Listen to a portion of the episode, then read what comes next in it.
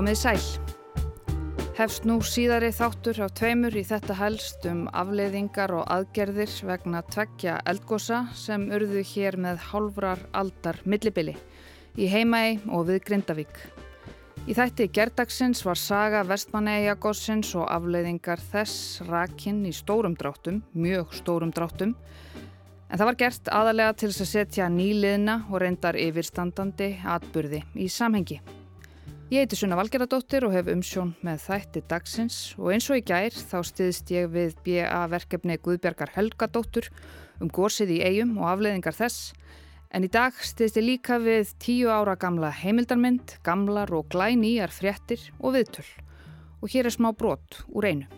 Áfallið er líka svo erfitt þegar að þú ert alveg valdalus þegar þú, það sko, það kemur eitthvað fyrir þig og þú getur ekkert gert og það er svo það er svo skemmandi fyrir taugakerfið okkar þegar bara allt vald er frá okkur tekið og að því leiti var það í rauninni sko forrættindi einhver leita að fá að vera eftir í eiginni og fá að leggja sér til mörgum Já. að fá að gera það litla sem þó var hægt að gera að bjarga einhverju verðmættum að sko hérna passa upp á að, að einmitt sjúkrahúsi myndi sleppa og, og allt þetta heldur en að einmitt sko margar konur, hérna allar konurnar sko fór upp á land mhm. -huh. og svo bara byðu þær og vissu ekkert og það var ekkert sem það gáttu gert og það er svo óbúslega erfitt fyrir mannsálina að vera í þeim spórum sem auðvitað svo margi grindvikingar eru í akkur núna. En við skulum byrja daginn á veraldlegum nótum þó að hús séu svo mikið meira en bara fjórir vekkir eins og einn grindvikingur komst eftirminnilega að orði á íbúafundi á dögunum. Þau eru heimili. Guðrún Gunnarsdóttir tók við talvið mann senkt á síðasta ári sem þekkti vel til viðlagasjóðshúsana sem hýstu heimilislösa vestmanniðinga. Guðmundur G. Þórarinsson, verkfræðingur, var 34 ára gammal árið 1973 þegar hann stóð með risastórt verkefni í höndum sem hann segir í dag að hafi verið eitt stærsta verkefni sem hann hafi staðið frammefyrir. Guðmundur var einn fjögura sem stjórnendur viðlagasjóðs fengu til þess að finna, velja, kaupa og byggja viðlagasjóðshúsin handa vestmannegingunum eftir gósið. Hann kom í mannlega þóttinn á rás 1 í lók november eftir fyrir rýmingu en fyrir gós. Þetta eru 550 hús og þau voru sko byggð á 20 stöðum á landinu og það tóst að gera þetta á einu og halvu ári sem að var nú eiginlega alveg kraftaverk því það þurfti að fá verktaka til að grafa grunna, steipa grunnan að koma því öllu upp. Sveitarfjölugin stóðu sig alveg gríðarlega vel. Þau þurftu að fara yfir skipulasmál hjá sér, byggja nýja vegi að þessum húsum Já. og uh, leggja lagnir, skólplagnir, raflagnir, hitalagnir, vasslagnir og allt þetta og allt var það að gerast í kvelli og þau stóðu sig ótrúlega vel og það var svo mikil velvilji hjá öllum í þjóðfélagin að gera allt sem hægt var. Þeir sagðu við mig útlendingarnir, Danir, Normen, Svíjar og, og, og Finnar, þetta þekkist hverginum á Íslandi, þetta ráðast í svona að þess að hafa neitt undibúning eða neitt. Og hvað gerðu vestmanningarnir á meðan eh, þeir byðu? í þetta eina og halva ár. Manstu það? Já, sko, langflestir fengu nú einhver staðarinni og það var nú alveg eins og en núna að það ringdu margir og sagðu, já, ég er mikið allara, sko, að það væri hægt að aðeins að laga hann og þá getur fólk verið þar og við fórum í það, sko, að skoða það og aðtöða hvað þetta að gera, kannski setja eldúsinettingu eða eitthvað slíkt. Og, eh, og var það þá gert? Það var gert, já, við, já, já, við samtum bara við aðeilum að fara í þetta. Viðlaga sjóður greiti, það var náttúrulega allir á göttunni. Já, viðlaga sjóður greiti þetta. Já, já hann borgaði allt saman.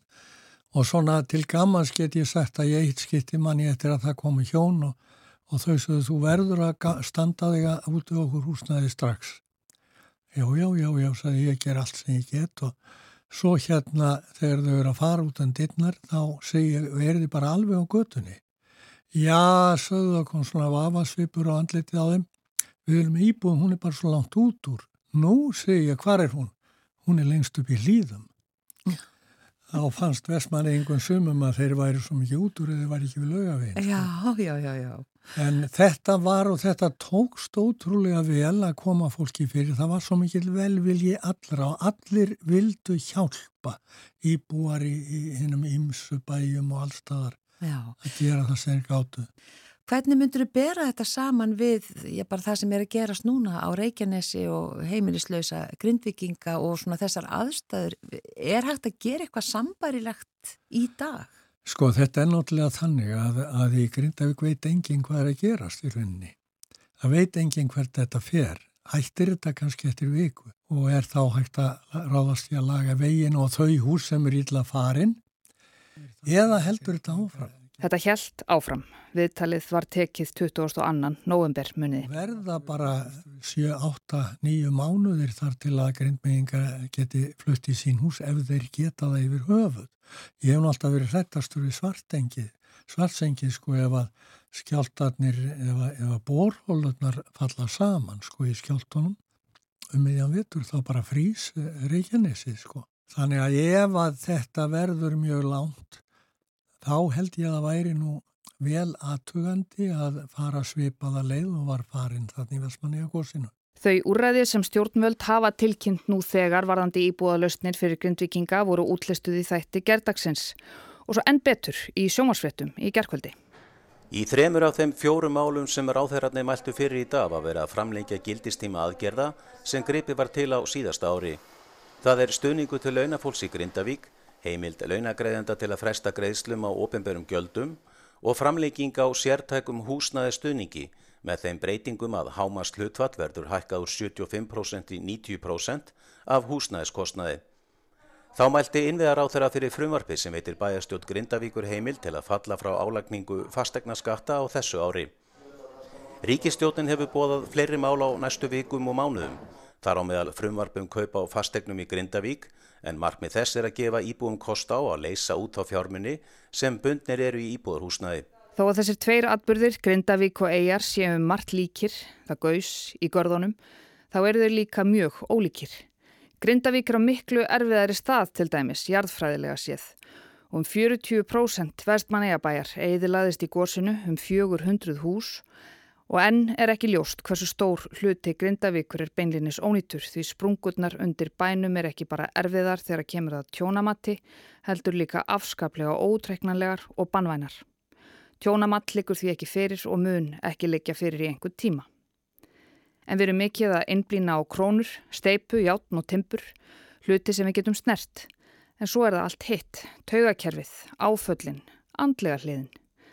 Þar eru grindvikingar og vestmanneyingar á sama báti. Þetta er rísa stórt og það er sko, það er svo merkilegt að eiga þetta dæmi að, að við skulum eiga í hérna bara okkar eigin reynslubankar sem þjóð þetta er nefnilega ekki fordæmælusir tímar við, bara, við eigum fordæmi fyrir bara ekki svo lengur síðan, 50 árum sko, uh -huh. 50. Þetta er Mattildur Bjarnadóttir prestur í Garðabæ, hún kom til Sigurlegar Margreðar Jónasdóttur mánudagsmorgunin 15. janúar, dægin eftir að eldgósið hófst við Grindavík Mattildur er vestmanneingur og hefur sérhæft sig í sorg, áföllum og viðbröðum við atbyrðum þeim tengdu, síðilegi hjá börnum. Ofta er þannig að styrkleikar okkar verða veikleikar okkar og þessi styrkleikar vestmanneinga að sko sjá ljósupunktana, sjá hvað fór vel og geta sko virkilega dreyja það fram og einblitt á það kannski var það tekið aðeins og langt á tímabili. Það var svo fókusarað á það, heyrðu, það tókst að rýma eiguna. Já. Við björguðum fólkinu. Kannski, við erum alltaf að tala um það. Já, við erum alltaf að tala um Já. um það. það var, og það var sagan. Já. Það björguðust allir. Þetta var maður sem að lést og, og af því að það var lögð svo mikil áherslu að allir hefðu bjargast þá fjall eh, hann svolítið skuggan mm -hmm. og, og ég veit að, sko, að það er svolítið búið að gera það upp að fjölskylda þess unga manns sko, uppliði óbúslega mikið að, að það væri ekki tekið marka við hann eða dáið og það er eitthvað, og það var eindur óbúslega fallegt, það var nefnilega gerð myndumann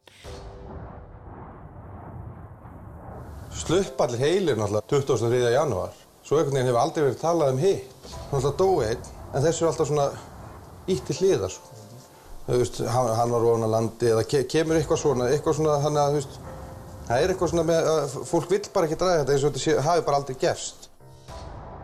Hér er átt við heimildarmyndina Útlendingur heima, uppgjör við eldgósið í Vestmannegjum eftir Jóhannu Ír Jónsdóttur og Sigvad Jónsson.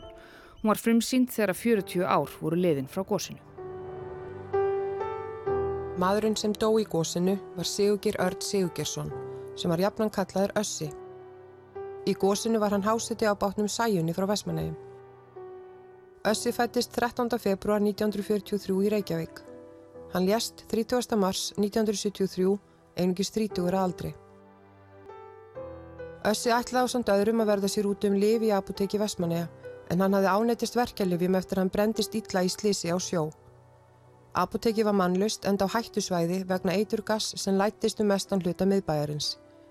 Félagi hans hætti við og Össi fór því einn. Strax að kvöldi 30. mars var tilkynnt að hans veri saknað. Fjórundugum síðar byndist leitin að apotekinu eftir að félagi hans sagði frá fyrirætlinum þeirra.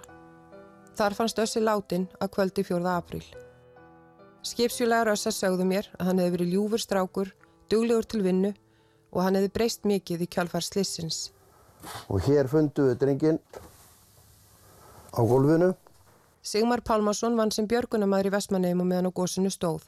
Hann var eitt þeirra sem sóttu lík Össa í apotekið við Vestmannabraut. Hann lág hér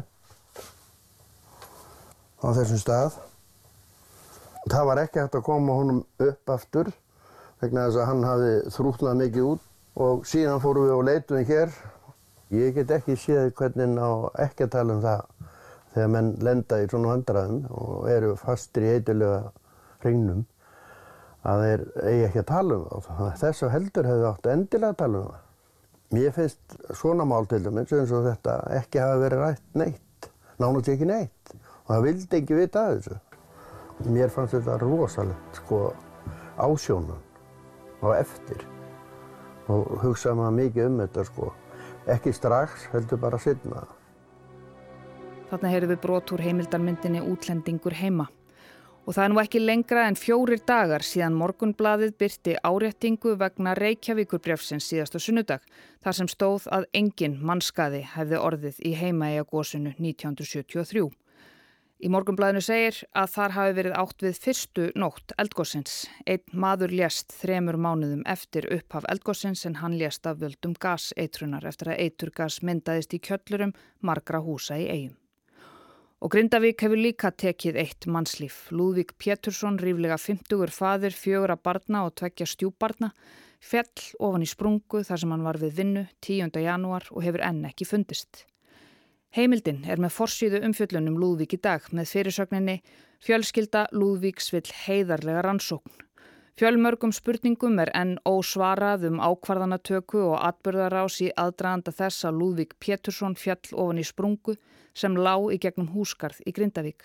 Veðurstofan hafi sérstaklega varaði sprungurheyfingum en áhættum all á enn ekki fyrir.